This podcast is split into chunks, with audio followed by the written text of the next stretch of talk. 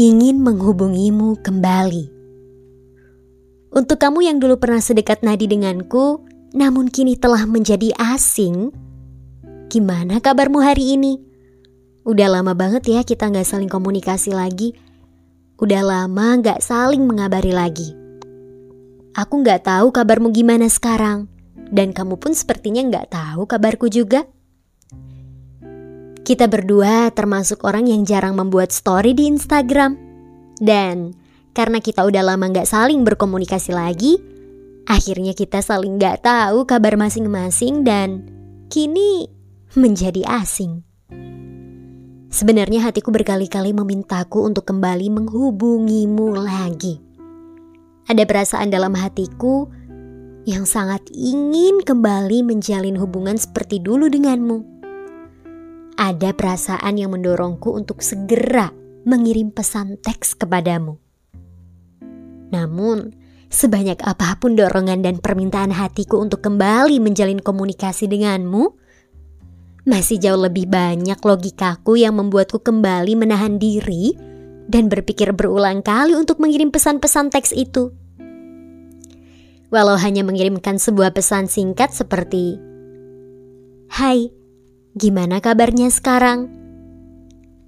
Aku berkali-kali menahan diriku untuk mengirimkannya. Aku sudah mengetiknya di kolom chat, tapi aku kembali mengurungkan niatku. Aku nggak jadi ngirim pesannya. Aku takut kalau aku kembali menghubungimu, itu hanya akan mengganggu aktivitasmu.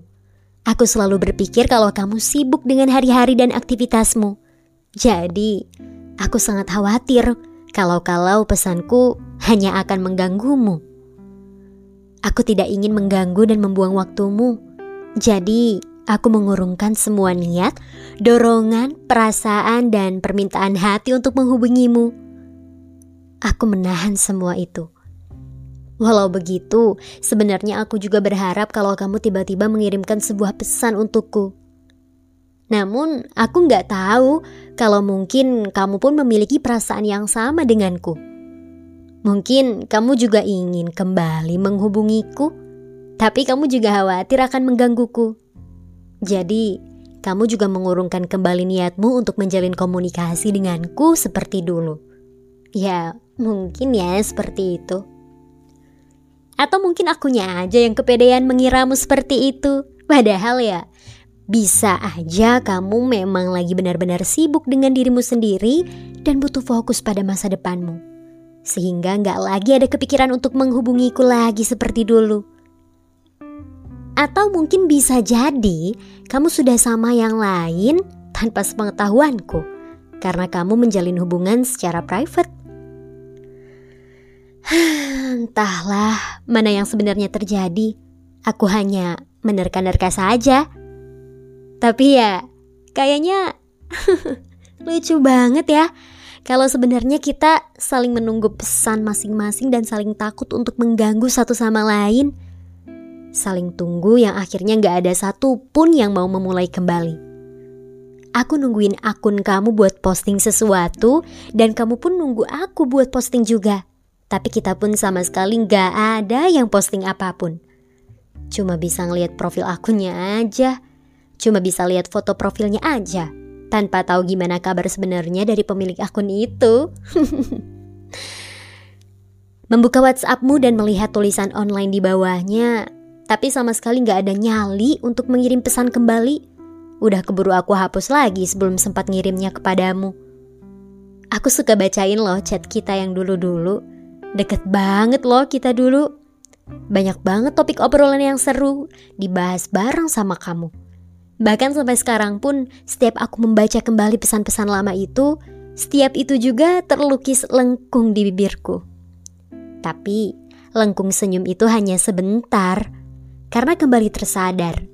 Kalau, ya, itu semua adanya di masa lalu, di hari-hari yang udah berlalu. Sekarang kita udah jadi kayak orang asing yang gak saling mengenal, menjadi orang asing tanpa adanya komunikasi. Namun yang perlu kamu tahu, anehnya meskipun kita tak lagi berkomunikasi seperti dulu, tapi tetap aja kamulah pemenangnya di hatiku.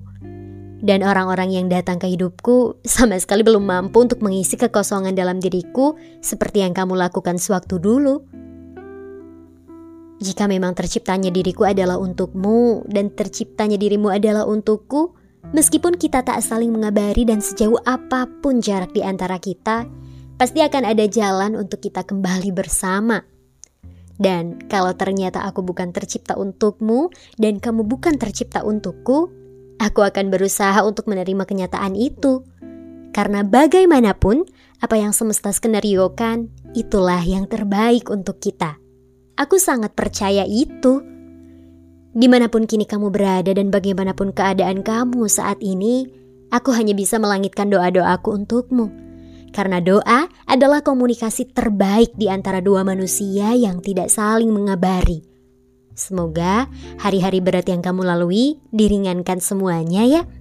Semoga hatimu dilapangkan, semua urusanmu dipermudah, dan tentunya selalu dikelilingi oleh orang-orang yang tulus denganmu. Oke, okay, makasih ya udah dengerin podcast kita Irae.